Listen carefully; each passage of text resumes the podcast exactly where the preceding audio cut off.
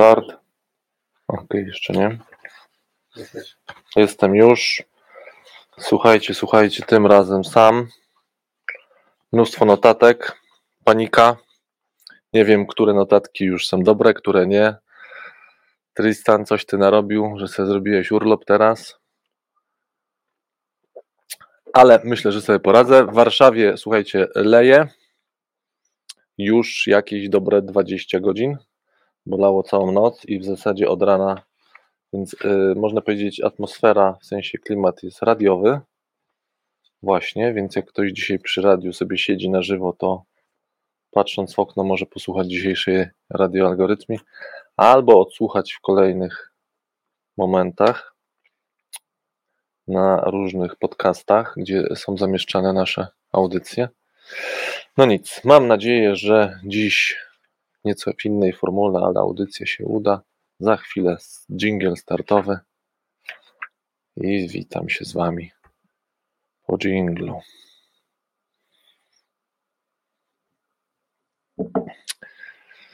Tak to właśnie jest, jak się jest samemu w studiu. Nie ma do kogo się odezwać. Dobrze, przynajmniej herbatę mam. Herbata mnie dzisiaj ratuje. Co ten czas się tak dłuży? Co jest z tym jinglem? Halo, halo. Poprosimy jingla na wstęp. Dobra, jedziemy.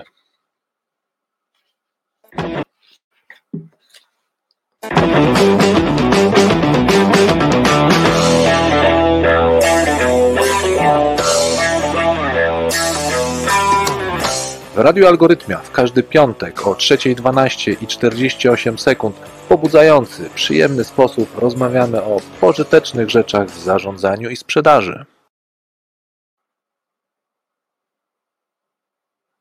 No i dzień dobry, dzień dobry, już jestem e, już jestem na e, fonii i wizji również w pełni. Witam serdecznie wszystkich słuchaczy.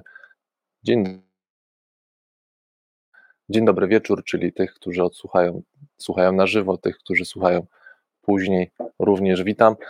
No dzisiaj w, w nieco odmiennej, nieco odmiennym układzie.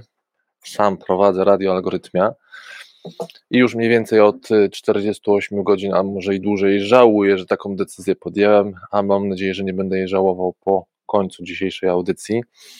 Słuchajcie, sam prowadzę, ale to, że sam prowadzę, to, to mnie to nawet specjalnie nie martwi. Martwi mnie to, że wziąłem sobie taki temat na warsztat, że obawiam się, że mogę nie podołać, dlatego że wziąłem sobie całą psychologię na głowę. W dodatku zapowiedziałem, że zrobię porządek w tej psychologii. No i słuchajcie, za ten porządek zabrałem się. Najpierw oczywiście w swoich dokumentach, w swoich notatkach i w swoich myślach, co ja na ten temat wiem, co warto byłoby przekazać. No i tak jak pisałem w LinkedInowym zapowiedzi, szaleństwo się okazało, szaleństwo, no bo jak sobie zdałem sprawę, ile tego jest i co ja jestem w stanie przekazać w trakcie 45-minutowej naszej audycji, no to trochę mnie zgięło, mówiąc wprost, troszeczkę mnie zgięło, ale mam nadzieję, że wybrnę z tego i taki sobie cel ustawiłem dzisiaj na tę naszą audycję, żeby ano, żeby do tej psychologii, oczywiście w kontekście organizacji, w kontekście działań menedżerskich, w jakiś sposób zrobić nieco porządku, to znaczy, żeby pewne rzeczy uporządkować poznawczo, ale też, żeby pokazać, z czego realnie można w psychologii korzystać, z czego warto korzystać i dlaczego warto z tego korzystać. E, bo mimo tych trudów, na który, o których od których zacząłem, że to tak trudno ta audycja i że trudno tą psychologię całą ogarnąć, to wiecie, to trochę takie krygowanie się, bo ja tak naprawdę tą psychologię e, organizacji, psychologię w ogóle uwielbiam. E, zaczęło się ta moja miłość już na studiach, a być może nawet wcześniej, tylko wcześniej o tym jeszcze nie wiedziałem. Zaczęła się na studiach i trwa już sobie kilkanaście lat. Już niedługo będę miał rocznicę dwudziestą skończenia, ukończenia dyplomu ukończenia studiów psychologii społecznej właśnie z dyplomem. No i tak mnie tknęło, żeby o tej psychologii troszeczkę poopowiadać, bo też od długiego czasu pracuję z organizacjami i pracujemy również tutaj w algorytmie z organizacjami pod używając, czy też korzystając z tej wiedzy psychologicznej. No a będąc w tym środowisku, czy będąc w ogóle w organizacjach, zauważam już od dawna i też rozmawiam z ludźmi, którzy, którym psychologia jest bliska, że no sporo zamętu jest z tą psychologią. Czym ta psychologia w ogóle jest, czy, czy w jaki sposób my możemy z niej korzystać, jest, jakie są właśnie, jakie są korzyści, jak, czy, czy, każdy może być psychologiem. No i z paroma pytaniami chciałem się zmierzyć. Zresztą ta psychologia już tutaj wielokrotnie się w naszych audycjach przywijała, bo i, i gościliśmy psychologów, bo chociażby Sławek Jarmusz, czy psycholog organizacji Piotr Prokopowicz, e, czy też e, e, w różnych wypowiedziach ta psychologia czy też wiedza psychologiczna się tutaj przejawiała. My na co dzień w algorytmie również pracujemy korzystając właśnie z pewnych zasobów wiedzy, na przykład dotyczącej tego, jak się ludzie uczą, albo też tego, na przykład, jak się ludzie, jak ludzie wydobywają wiedzę. Jakkolwiek to teraz brzmi, na przykład, jak wydobywają wiedzę ekspercką, tak? czyli jak to się dzieje, że po pierwsze tą wiedzę nabywają, e, a po drugie, jak tą wiedzę potem używają, jak uczą innych, więc to są tematy absolutnie istotne. I z takimi kilkoma tematami ja się chciałem dzisiaj zmierzyć, ale już szykując się do audycji, raczej wydaje mi się, że to będzie takie preludium mm, do tematów. E, korci mnie, żeby z tego powstała jakaś autorska, indywidualna, być może audycja dotyczących właśnie wątków psychologii i jak ona się ma w organizacjach. Bo z takimi pytaniami, z jakimi bym chciał się dzisiaj zmierzyć, no to właśnie trochę, czym w ogóle jest psychologia, a też czym nie jest, jeśli pokuszę się o taką definicję.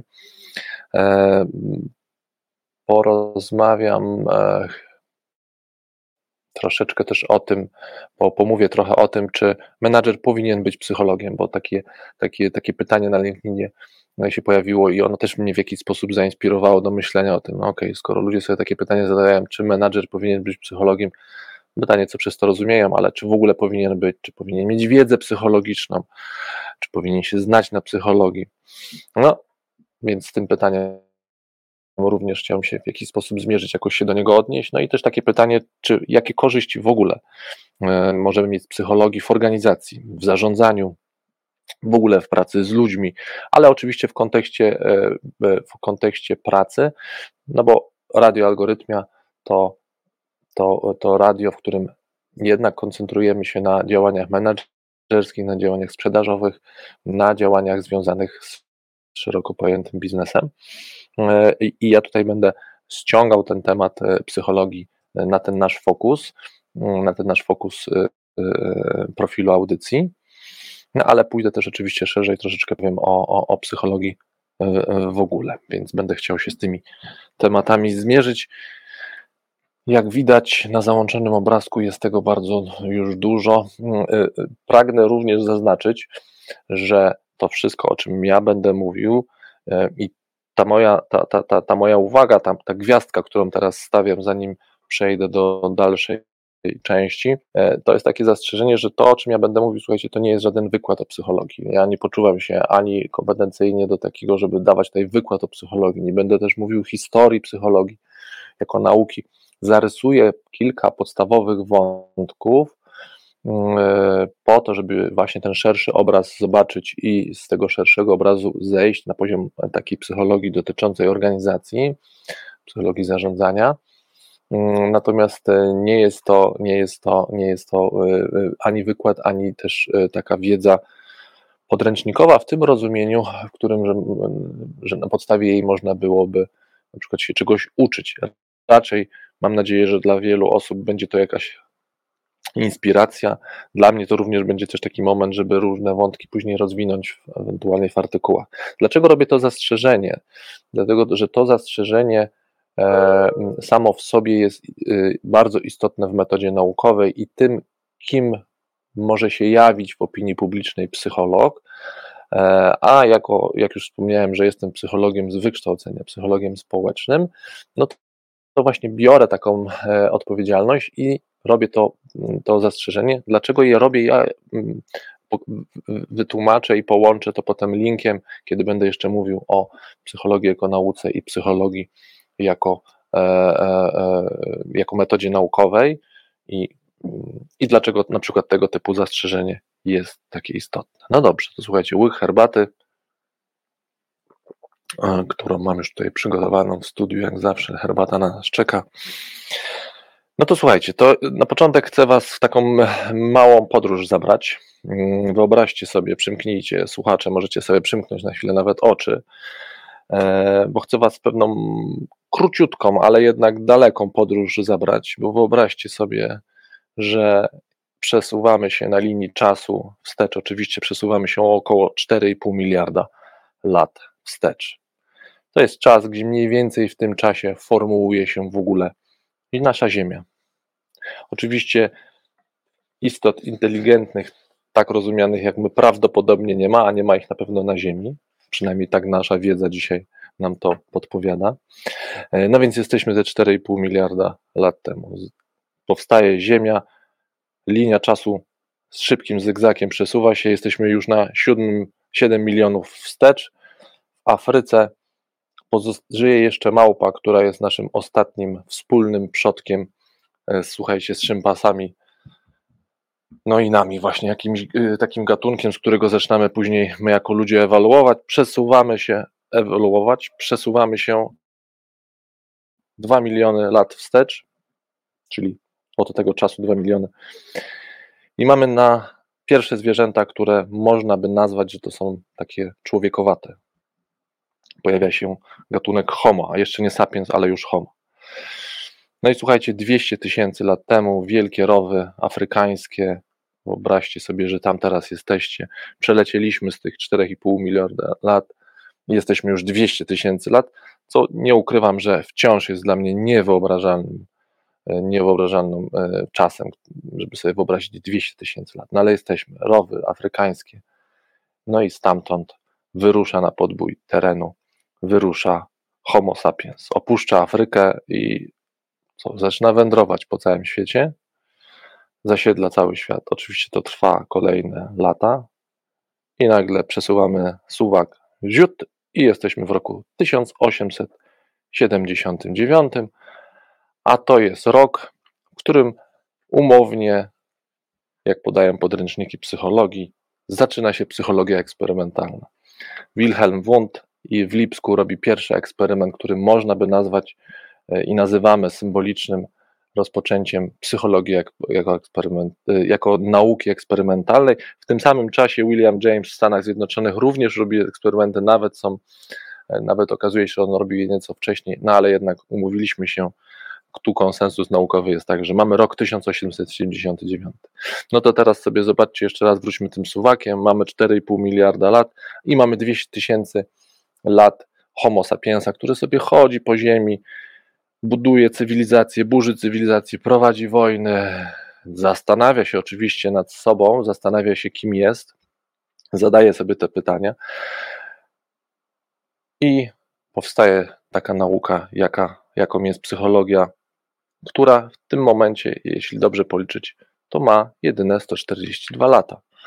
No to w skali naszej całej cywilizacji i też w skali całego Homo sapiens, no to słuchajcie, to nawet taki mały, mały bobasek, mały bobasek, który dopiero co, można by powiedzieć, raczkuje, ale ten bobasek taki dosyć przemądrzały jest, przemądrzały, mm, e, chodzi, wszędzie się wciska, opowiada, że on już wszystko wie, że już wszystko wie na temat natury E, człowieka, e, wciska nam się różnymi poradnikami. Co chwilę czytamy o psychologach, że to psychologowie to, psychologowie tamto. E, no robi, myślę, że podzielicie ze mną tą opinię, że jest sporo, że, że tej psychologii jest teraz i sporo, i że ona nam się wciska drzwiami, oknami, wyskakuje z lodówki co chwilę czytamy, że psychologowie to odkryli, psychologowie to potwierdzili. E, no i oczywiście każde w zasadzie zachowanie, które obecnie przeżywamy, chociażby związane z koronawirusem, no to, że odpowiedź, po odpowiedź pędzimy do e, psychologów. Czy rzeczywiście, e, czy rzeczywiście warto E, ops, tutaj mi się włączyło. Włączył mi się e, czasomierz, żebym wiedział, że już jestem online. Słuchajcie, no i właśnie wędrujemy z psychologa, wędrujemy do psychologów po różne odpowiedzi. No właśnie, co nas do nich ciągnie? No ciągnie nas taka zwykła, bardzo naturalna, prawdopodobnie prawdopodobnie przypisana tylko naszemu gatunkowi ciekawość świata. Ciekawość świata, która od setek lat popycha nas e, na naukowej ścieżce, no i popycha nas również w zadawaniu sobie pytań, kim jesteśmy, co tu robimy, jak wygląda nasza świadomość, no i zaczęliśmy to oczywiście badać. Ten rok 1879 jako symboliczny e, czas rozpoczęcia psychologii, ale oczywiście sobą zajmujemy się, jako gatunek zajmujemy się dużo wcześniej i te pytania zadawaliśmy już sobie, zadawali i greccy filozofowie e, e, i dużo wcześniej również takie pytania się pojawiały.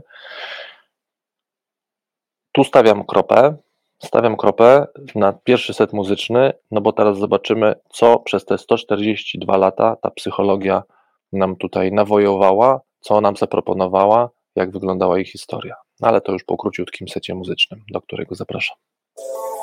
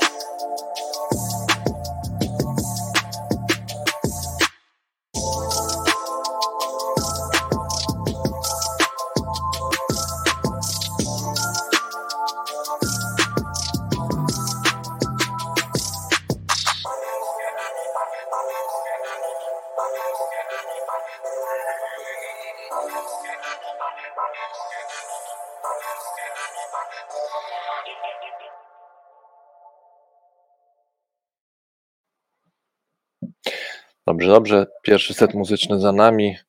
E, dzisiaj nieco inna muzyka. Sam wybierałem, więc co? Dziś sobie ja wybrałem raczej hip-hopowe kawałki. Bez tekstu, ale jednak rytmy hip-hopowe. Czemu nie? No dobrze, słuchajcie, to, to e, mamy już pierwszą perspektywę. Mamy perspektywę powstania Ziemi, powstania Homo sapiensów i cóż te Homo sapiensy tutaj nam wymyśliły z tą psychologią. Tak jak już wspomniałem przed przerwą, od dawna jako ludzie zadawaliśmy sobie pytanie, mm, jak wygląda rzeczywistość, jak my tą rzeczywistość postrzegamy, kim my jesteśmy. Zadawaliśmy sobie to pytanie. Do, do czasów psychologii na to pytanie najczęściej odpowiadała filozofia, czy szukała odpowiedzi bardziej, szukała e, filozofia, szukała odpowiedzi religia, oczywiście różnego rodzaju, szukała na to pytanie odpowiedzi. No i w którymś momencie ręce, rękawy zakasała psychologia i też zaczęła kusić się na na, na odpowiedzi na te pytania, no bo sama psychologia, no to tak naprawdę pierwotnie nauka o duszy. Słowo psyche mm, jako dusza i logos jako nauka, psychologia, nauka e, o, o, o duszy. Oczywiście już dziś w nurcie naukowym nikt nie nazywa tego, że to jest nauka o duszy. Jest to nauka o człowieku, tak naprawdę nauka o ludzkich i czynnościach i zachowaniach. Hmm? No i tu już stajemy przed pierwszym wyzwaniem, jak owe czynności i zachowania badać, jak je obserwować. I pierwszy podział, gdybyśmy mieli sobie psychologię tutaj dzielić, no to pierwsze sposoby e, rozpatrywania tych czynności ludzkich i tych zachowań, no to po pierwsze przez subiektywne procesy poznawcze. Procesy poznawcze, umysłowe, innymi słowy, coś, co też możemy nazwać naszą świadomością. Tak? Czyli to jest pierwszy obszar, czy też pierwszy sposób badania.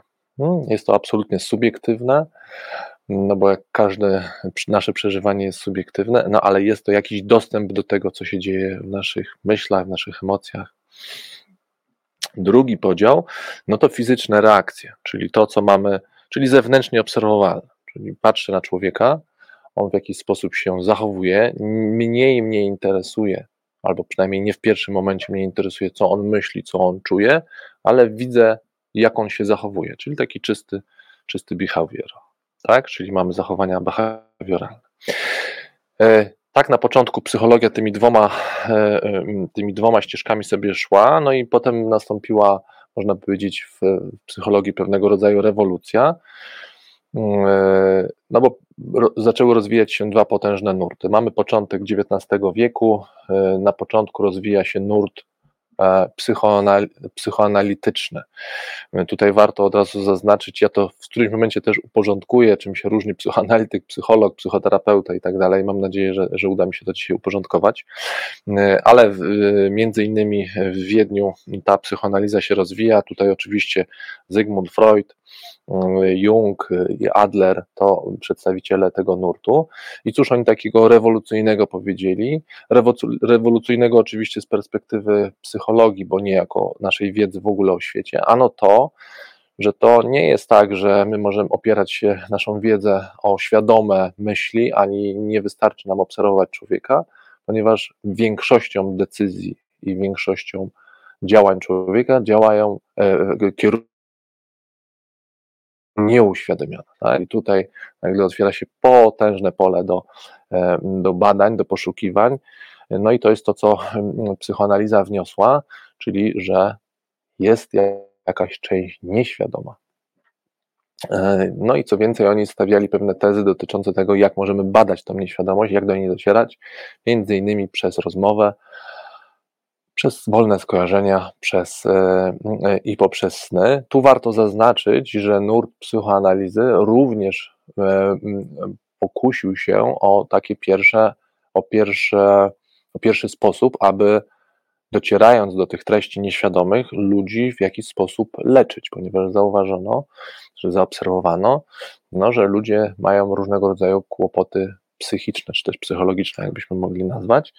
I oprócz tego, że psychoanaliza dała pewien sposób patrzenia na rzeczywistość, na naturę ludzką, na właśnie na, na, na tą psychikę, no to jeszcze dała nam pierwsze takie kroki ku temu, że być może możemy tą psychikę w jakiś sposób uleczyć.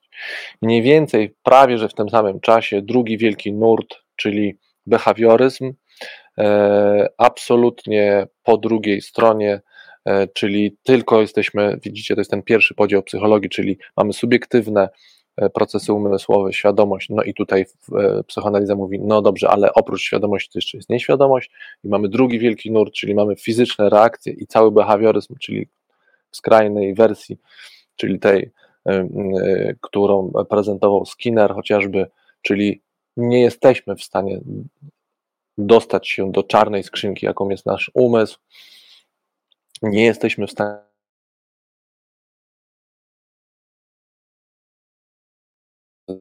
to bodziec, który i reakcję, jaką, jaka, jest na, jaka, jest, jaka jest reakcja organizmu na ten właśnie bodziec, czyli tutaj mamy cały wątek nawyków, no i tego, jak przystosowawczo organizm reaguje na, na, czynniki, na czynniki środowiskowe. To taki pierwszy, pierwszy nurt. On oczywiście to są takie nurty, które do dziś wciąż funkcjonują, one oczywiście się rozwijają, trzecia, czwarta fala mm, e, i behawioryzmu, i, i neopsychoanalizy, e, to wszystko funkcjonuje. Słuchajcie, po II wojna światowa to jeszcze tak pokrótce rozwój psychologii humanistycznej, która znowu powiedziała halo, halo, nie będziemy tak człowieka upraszczać, człowiek to nie tylko ani maszyna, tak jak proponował jak proponował behawioryzm, ani nie jakieś nieuświadomione procesy, popędy de facto, bo jeszcze Freud mówił o popędach, czyli że jesteśmy w zasadzie kierowani dwoma głównymi popędami, popędem śmierci i popędem miłości, czyli eros thanatos i że to takie bardzo spłucenie rzeczywistości, tak twierdzili humaniści, psychologowie humanistyczni, więc mówili, ale momencik, a gdzie cała twórczość człowieka, gdzie autonomia, gdzie tożsamość, gdzie jednak właśnie powrót do introspekcji, do tego, co człowiek przeżywa, do tego, jak nazywa swoje myśli, jak je obserwuje. No i tutaj mm, Carl Rogers, Abraham Maslow to przedstawiciele mm, e, psychologii humanistycznej, Potem kolejny nurt, psychologia poznawcza, i tu już zaczynamy coraz bardziej być w tej psychologii takiej naukowej, mm, bo o ile mm, taki zrobię krok wstecz, bo o ile behawioryzm już dosyć mocno stąpał, po metodach naukowych y, i opierał swoje badania e, mm, no, na takich naukowych działaniach, na eksperymentach, ponieważ w dużej mierze źródeł szukali w biologicznych podstawach działania człowieka, no więc w biologii już eksperymenty były dosyć dobrze, mm, dosyć często e, wykorzystywane. O tyle psychoanaliza z dzisiejszej perspektywy jest mm, rozpatrywana jako ciekawy nurt raczej filozoficzny, e, raczej pewne wniesienie pewnej myśli do psychologii, do postrzegania człowieka. Natomiast jeśli chodzi o samą psychoanalizę y, i jej założenia, w zasadzie niewiele rzeczy udało się potwierdzić naukowo, w naukowych badaniach.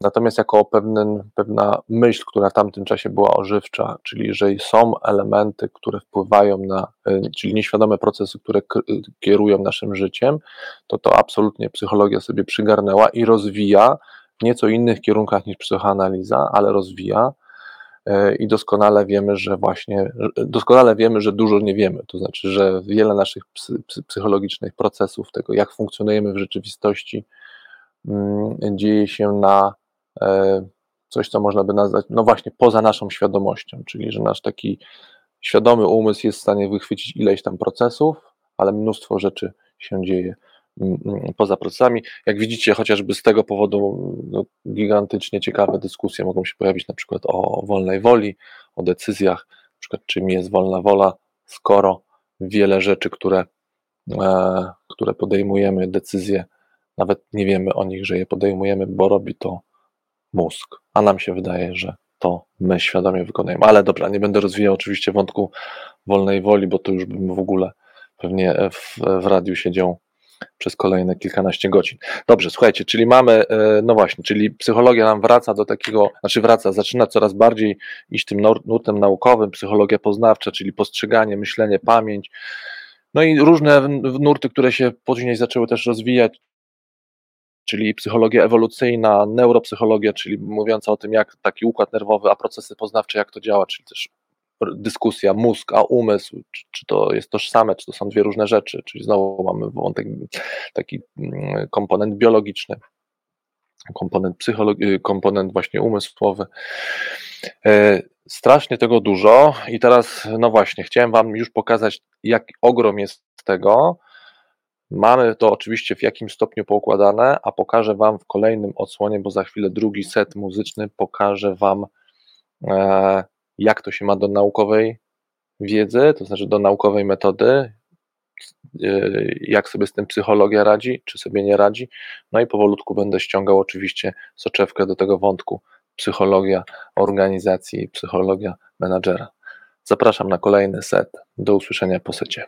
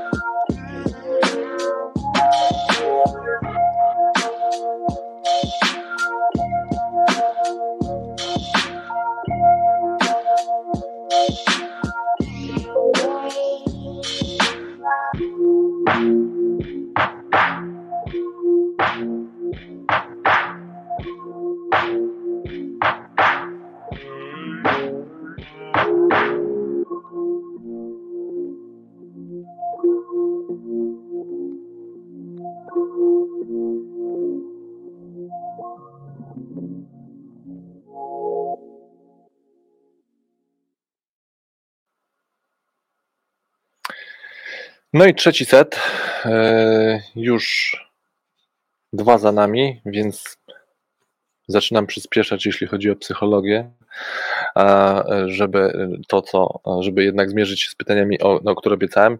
Mamy króciutką, naprawdę króciutką historię psychologii, pokazującą, jak to się rozwijało.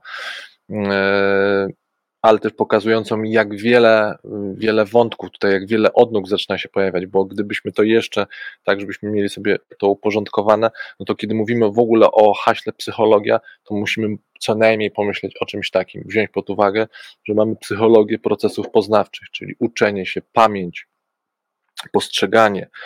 Skoro mamy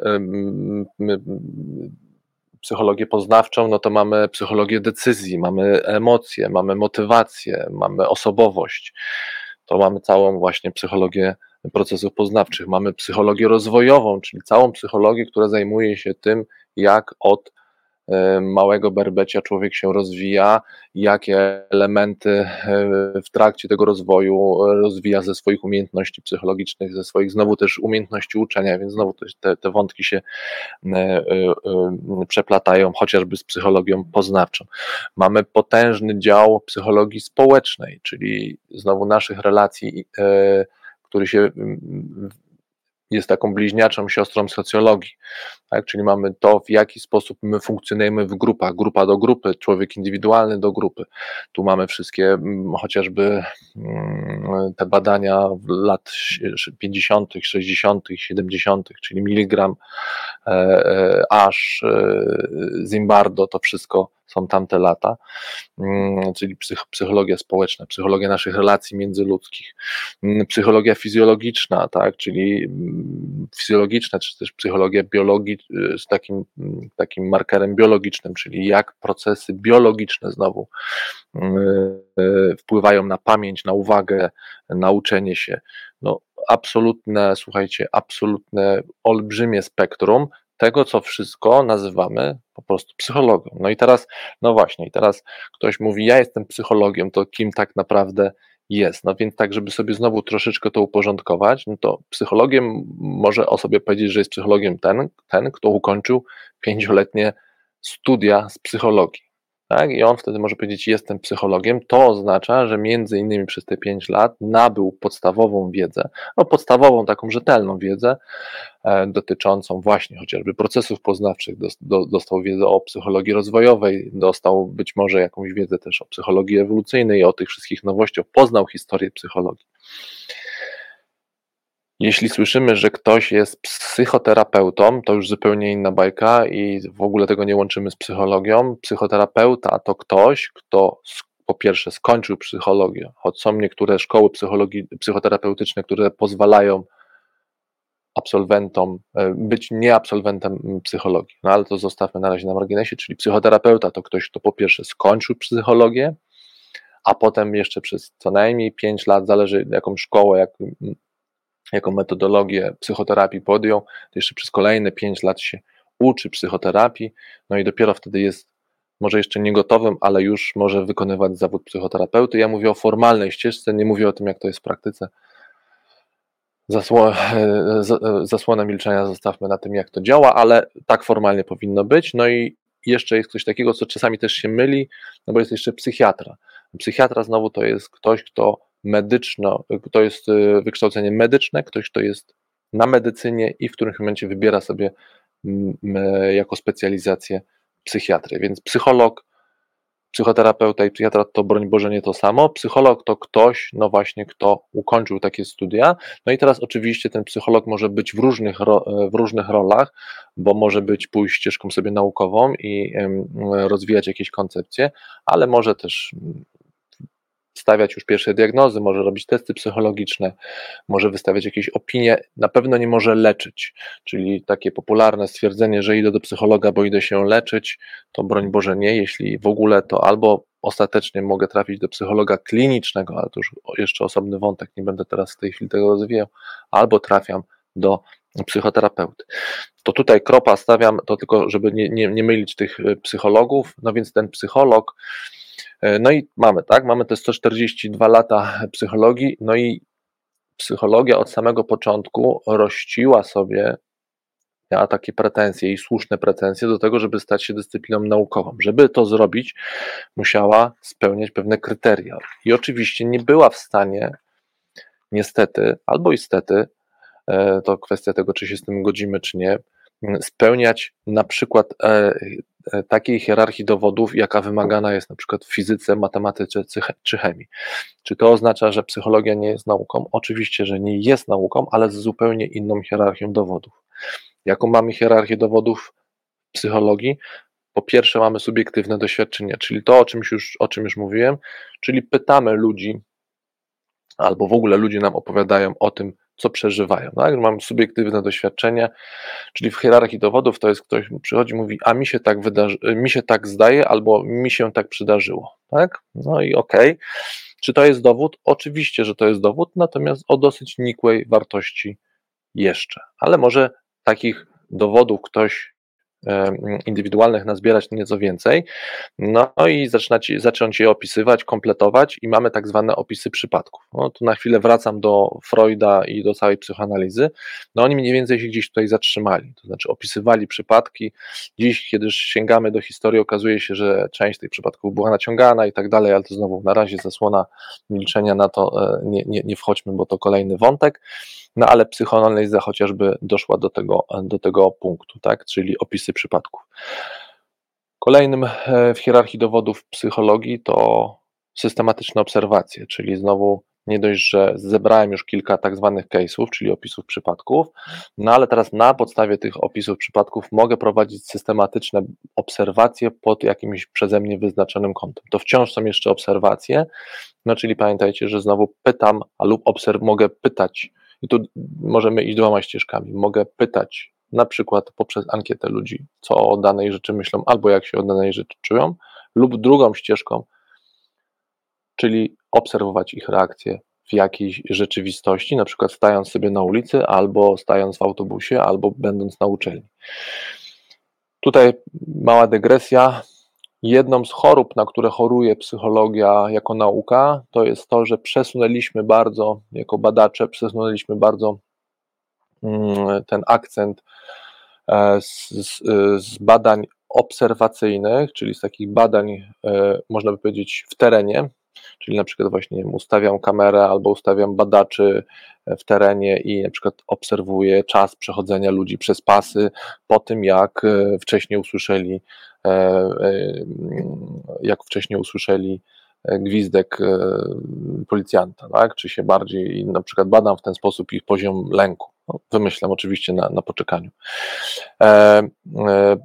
Zamiast takich badań, dużo więcej akcent poszedł na teraz na badania dotyczące E, no bardziej ankiet, tak? Czyli przepytujemy ludzi, czyli jesteśmy w tym ich subiektywnym świecie i przepytujemy na, na różne okoliczności, korzystając z różnych narzędzi, no, głównie jakiegoś rodzaju albo testy, no, albo różnego rodzaju kwestionariusze. Mm, e, skąd to się wzięło? Są różne hipotezy. Jedna bardzo prosta z lenistwa. Dużo trudniej jest prowadzić badanie, systematyczne obserwacja, a już nie daj Boże, prowadzić coś, co jest kolejnym mm, w hierarchii dowodów, czyli przeprowadzeniem eksperymentu. No to eksperyment to już jest bardzo trudna rzecz, a wszelkie wątki, wszelkie zasady eksperymentu, podwójne próby, ślepe, podwójnie ślepe, to wszystko trzeba skonstruować po to, żeby na przykład zaobserwować jakiś mechanizm psychologiczny, na przykład dotyczący podejmowania decyzji, e, albo na przykład w sytuacji stresowej, tak?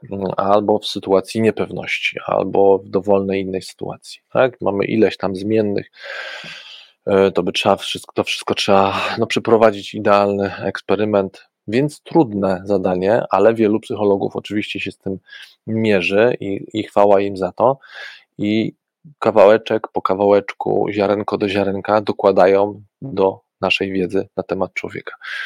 Mamy jeszcze ostatni z hierarchii dowodów, jeśli chodzi o psychologię, czyli mamy metaanalizę i przeglądy badań. Metaanalizy to nic innego jak takie, wiecie, zbiorcze badanie, ktoś robi eksperyment, ktoś robi jeden eksperyment, no oczywiście jest jeden eksperyment, wiosny nie czyni, e, musimy e, w każdych naukach musimy eksperymenty replikować. Tutaj psychologia znowu ma trochę e, z tym kłopot. E, ostatnie czasy, te wszystkie kryzysy replikacyjne, e, ale to za chwilkę się jeszcze do tego odniosę. Czyli musimy, czyli replikujemy badania. Na przykład ktoś się zajmuje wątkiem motywacji, no i zajmuje się ktoś w Australii, ktoś się zajmuje na uniwersytetach, ktoś się zajmuje w Stanach Zjednoczonych, ktoś się zajmuje tym w Polsce. No i w tym momencie jakiś inny naukowiec mówi, dobra, to ja to wszystko zbiorę i zobaczę, jeśli oni by badali motywację, to ja to zbiorę i spróbuję właśnie zrobić z tego metaanalizę, czyli taki przegląd badań dotyczących y, danego wątku. No, w hierarchii dowodów można powiedzieć, że jeśli chodzi o naukę, jaką jest psychologia, jest to najsilniejszy, najsilniejszy, najsilniejszy dowód w hierarchii. Podkreślam, że wszystkie dowody, które wymieniłem, są dowodami jako takie, więc nie mówimy o to, czy ktoś ma dowód, czy nie ma dowodu, raczej, raczej mówimy o tym, jak silny jest to dowód no i teraz, czy na podstawie takiego dowodu ja chcę podejmować na przykład jakieś znaczące decyzje, chociażby w organizacji? Czy chcę podejmować e, decyzje na podstawie tego, że bo na przykład mi w poprzedniej organizacji jako menedżerowi coś wychodziło, bo robiłem z ludźmi na przykład w ten sposób, no i teraz uważam, że tak trzeba zawsze robić, bo mi tak wychodziło już trzy razy, pracuję 20 lat jako menedżer, więc uważam, że to jest wystarczający dowód no ja bym wtedy powiedział, że to raczej wystarczający dowód nie jest, ale co nie znaczy, że to nie jest dowód. To oczywiście jest dowód, ale pogadajmy na ile on jest silny, bo na przykład badania dotyczące i tutaj roz, otworzyłaby się, mm, otworzyłaby się szansa, mam nadzieję, do dyskusji. Ja do takich dyskusji i menadżerów bardzo mm, często, gęsto za zapraszam i zachęcam.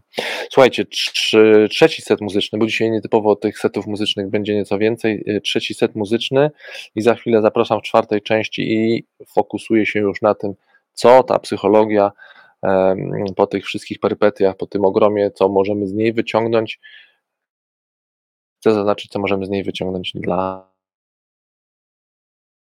organizacji. Zapraszam na trzeci set muzyczny.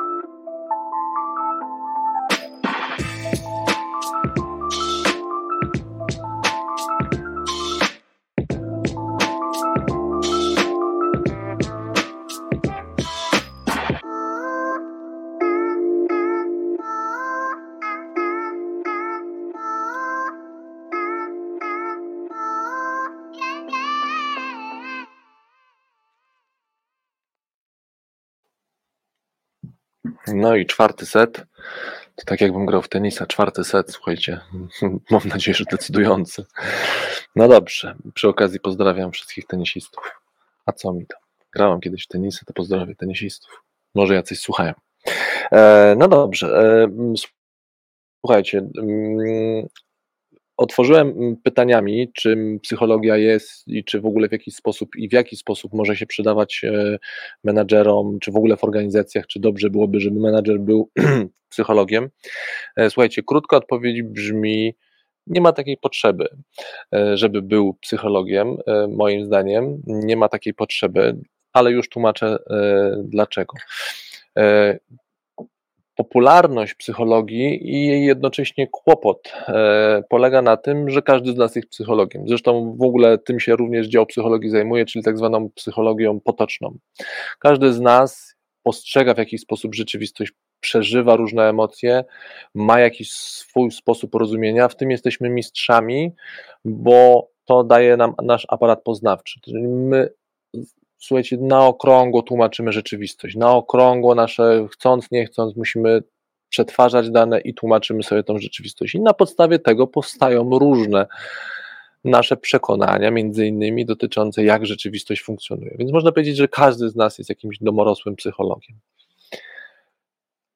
Więc również i menadżer jest takim psychologiem, w rozumieniu, tu w pewnym cudzysłowie, czyli jest psychologiem, czyli jest ludzką istotą, ciekawą świata i chcącą ten świat zrozumieć, e, bo to jest absolutnie nasze dążenie, zresztą właśnie też zbadane przez psychologię, że dążymy do zrozumienia świata. Źle się czujemy, kiedy świat jest dla nas niezrozumiały.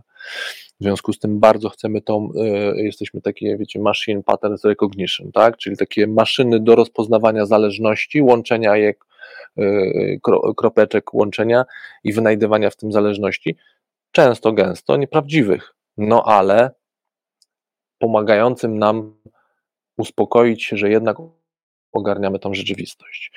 No i teraz metoda naukowa, zaprzęgnięta dla psychologii, pomaga nam te różne nasze e, przekonania, które każdy z nas wnosi, y, sprawdzić na gruncie wiedzy naukowej. No i różnie to z tym bywa.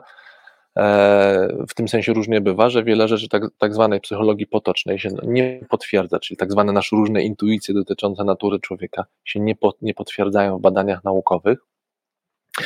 E, I dlaczego mówię, że menadżer nie, nie, nie tyle nie powinien być, co nie jest to dobry pomysł, żeby stawał się psychologiem, dlatego że tak czy inaczej dobrze by, żeby był dobrym menadżerem, czyli żeby był ekspertem w swoim obszarze, natomiast absolutnie zachęcam do tego, żeby korzystał z wiedzy psychologicznej, bo Tutaj wiedza psychologiczna sporo może wnieść do psychologii organizacji. No, psychologia organizacji to nic innego jak dział psychologii taki już stosowany, gdzie, wie, gdzie wiedzę, którą mamy zbadaną na nurcie albo obserwacji, albo właśnie eksperymentów, możemy zaprzęgnąć do, do psychologii organizacji. Więc pewnie warto byłoby, żeby menadżer na przykład kilka pojęć rozumiał, kilka pojęć znał, albo miał w organizacji dobrego psychologa, pod jaką postacią? No najczęściej psychologowie w organizacji się pojawiają albo pod hasłem psycholog organizacji, albo w szeroko rozumianym dziale HR, tak? Tam mamy e, dużo e, dobrych, e, wykształconych psychologów i ja osobiście zachęcam, żeby z tej ich wiedzy czerpać, bo wiele, wiele mogą wnieść. No co na przykład mogą wnieść? Co nam na przykład może taka, taka, taka wiedza psychologiczna wnieść do wiedzy organizacji i, i w ogóle, no do organizacji czy też do zarządzania. No mamy wątek autowaloryzacji, czyli takiego dosyć dobrze zbadany w psychologii wątek, że wszyscy słuchacze, ja również, nikt temu nie, nie ma wyjątków, dążymy do dobrej samo, samooceny swojej osoby. E, dążymy do dobrej samooceny w sposób autoprezentacji, do, tworzymy, tworzymy takie sytuacje, żeby raczej lepiej wypaść niż gorzej. E, myślimy o sobie nieco lepiej niż na przykład mogłaby nam to jakaś osoba z zewnątrz powiedzieć. No i to jest, y, innymi słowy, bardzo do, lubimy się dobrze czuć. Co to może oznaczać? No to może, może oznaczać w takiej praktyce już y, codziennej, no że w życiu zawodowym również nam to, y, również tego doświadczamy, czyli e, w różnych, nie wiem, być może konfliktach e, pracowniczych, być może e, w jakichś kwestiach komunikacji, trzeba pamiętać o tym, że każdy człowiek raczej woli się czuć dobrze niż źle, a to oznacza, że na przykład ciężko się przyznać takiemu menedżerowi na przykład do błędu, no bo to oznacza, że przez dość długi czas będzie się czuł źle. Będzie się, i to często, gęsto, słuchajcie, wręcz na fizycznym poziomie, bo to już tutaj ten komponent biologiczny również wchodzi. Nasze mózgi źle się czują z tym, że, że im jest źle, że na przykład, że zdają sobie sprawę z tego, że popełniam błąd. Mamy różne mechanizmy, na przykład, żeby się tak nie czuć. Na przykład mamy jeden z mechanizmów cudowny, na przykład podstawowy błąd atrybucji. Bardzo dobrze również zbadane zjawisko. Czyli tak sobie postrzegamy rzeczywistość, że kiedy widzimy zachowania innych, kiedy obserwujemy e, zachowania innych, to jesteśmy skłonni częściej opisywać ich zachowanie poprzez cechy, przypisujemy im jakieś cechy, jakieś właściwości danej osoby, nie doceniając wpływu środowiska, a odwrotnie, kiedy mówimy o sobie, to przeceniamy rolę środowiska na rzecz przypisania sobie cech. Przykład bardzo prosty: stoicie w kolejce przy kasie, przed wami stoi pani i rozmawia przez te, ta, która jedna z klientek rozmawia przez telefon komórkowy E, a w tej chwili ją obsługuje kasjerka. No i pewnie z odruchowo zamówicie, no jak można być tak niegrzecznym, e, obsesowym, tak się zachować niekulturalnie, co za problem na chwilę odłożyć telefon, ta pani jest jakaś nienormalna, niegrzeczna, szybko nam taka ocena się pojawi, czyli że ona jest jakaś, a nie doceniamy na przykład sytuacji. Gdy my stoimy akurat w, w kolejce i już nas ktoś obsługuje i akurat rozmawiam przez telefon, no to przyznacie, że to jest jedna z ważniejszych rozmów w tej chwili. No ja muszę zadzwonić, bo akurat y, syn dzwoni, który mi się zgubił wychodząc ze szkoły, albo właśnie dzwoni szef, więc ja muszę ten telefon odebrać, więc sorry, z reguły jestem bardzo grzeczny i kulturalny i nigdy bym sobie nie pozwolił na to, żeby być niegrzeczny w stosunku do kasjera w sklepie, ale teraz wyjątkowo. No to jest przykład e, podstawowego bandu atrybucji, czyli przeceniania w ocenie innych. No i znowu, E, przeceniania w ocenie innych, e, przypisywania im cech charakteru, a nie uwzględniając czynników środowiskowych. No i znowu, co nam to może wnieść do takiej psychologii organizacji? A no właśnie, drogi menedżerze, dokładnie to. Czyli jak widzisz swoich pracowników, no to pamiętaj o tym, że często gęsto sytuacja wywołuje zachowania Twoich pracowników, a nie przypisane im cechy. Zresztą co do cech i tego, co my możemy E, zrobić, to ja myślę, że to będzie już osobna jakaś audycja. Ja się z tym tematem zmierzę, już się nieco z nim mierzyłem, mianowicie znowu jaki sposób my możemy wykorzystywać e, znowu wielki dział psychologii, czyli badania osobowości i czy nam ta osobowość się do czegoś przydaje. Jakie mamy miary osobowości? Mm, bo tutaj też jest sporo bałaganu. I czy mamy korzyść z tego, że na przykład nazwę kogoś że jest kolorem czerwonym i że pasuje mi z zielonym. Ja na tą chwilę krótką odpowiedź daję, że to się do niczego nie przydaje, a wręcz szkodzi, ale ten wątek do rozwinięcia. No ale i wracam do, co jeszcze może nam się, co nam tutaj może psychologia e, przynieść. No wiemy, zresztą my żeśmy tu z Tristanem wiele razy w audycji już ten wątek przy, przy, tutaj przytaczali, czyli teoria reaktancji i w ogóle poczucie autonomii, też całkiem nieźle już zbadany koncept psychologiczny, mianowicie tego, że ludzie, kiedy im autonomia, czyli możliwość wybierania, czy podejmowania decyzji, czy jakiegoś takiego samostanowienia, kiedy im to jest zabierane w jakiś sposób, ograniczane, no to reagują, e, reagują na to oporem.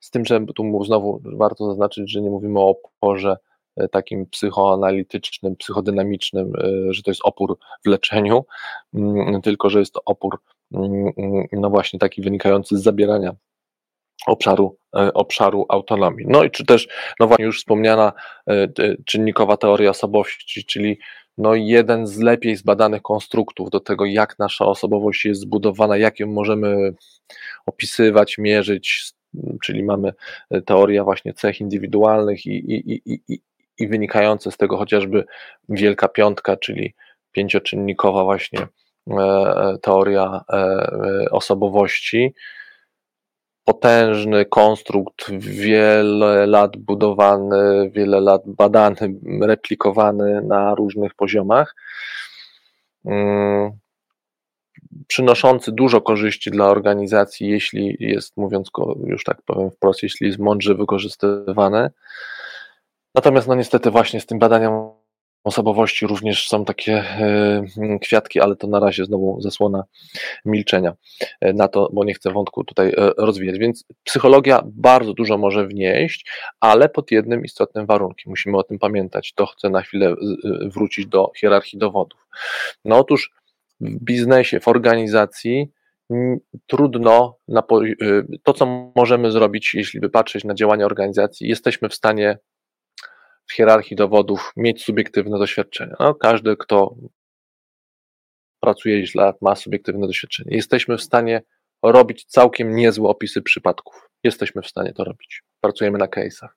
Mówię już teraz o pracy organizacji biznesu. Jeśli dobrze to przeprowadzimy, jesteśmy w stanie robić systematyczne obserwacje i wyłapywać różnego rodzaju korelacje. Super, to też jesteśmy w stanie robić w organizacjach i to się dzieje. I tą wiedzę możemy wykorzystywać w organizacjach. Natomiast na poziomie organizacji nie, nie, nie wejdziemy na eksperyment. Trudno mi sobie wyobrazić, żeby ktoś robił eksperymenty w miejscu pracy. Raczej to jest niemożliwe. Czy to oznacza, że ta wiedza jest dla nas w organizacji zamknięta? Nie. Bo ja mówię teraz o tym, czy psychologia organizacji jest w stanie się w hierarchii dowodów wspiąć wyżej. Pewnie nie, ale to nie oznacza, że w ogóle nie możemy czerpać więcej, no bo możemy teraz, bo na przykład eksperymenty dotyczące motywacji czy też podejmowania decyzji były już robione i mamy całkiem fajne wyniki i tą wiedzę możemy zaczerpnąć, yy, zaczerpnąć do organizacji. Znowu uży, pamiętając o tym, że e, dowody to nie wszystko, że tak naprawdę jeśli chcemy się poruszać, e, a ja lubię się z Tristanem mm, w tym obszarze algorytmie poruszać, czyli po evidence-based practice, po evidence-based management, czyli że czerpiemy tak zwane źródła dowodów. Evidence-based to czerpiemy z różnych źródeł, czyli czerpiemy i z wiedzy naukowej, ale czerpiemy też wiedzę od ekspertów w biznesie, czerpiemy od y, interesariuszy, mm, no ale też czerpiemy od na przykład z danych samej organizacji.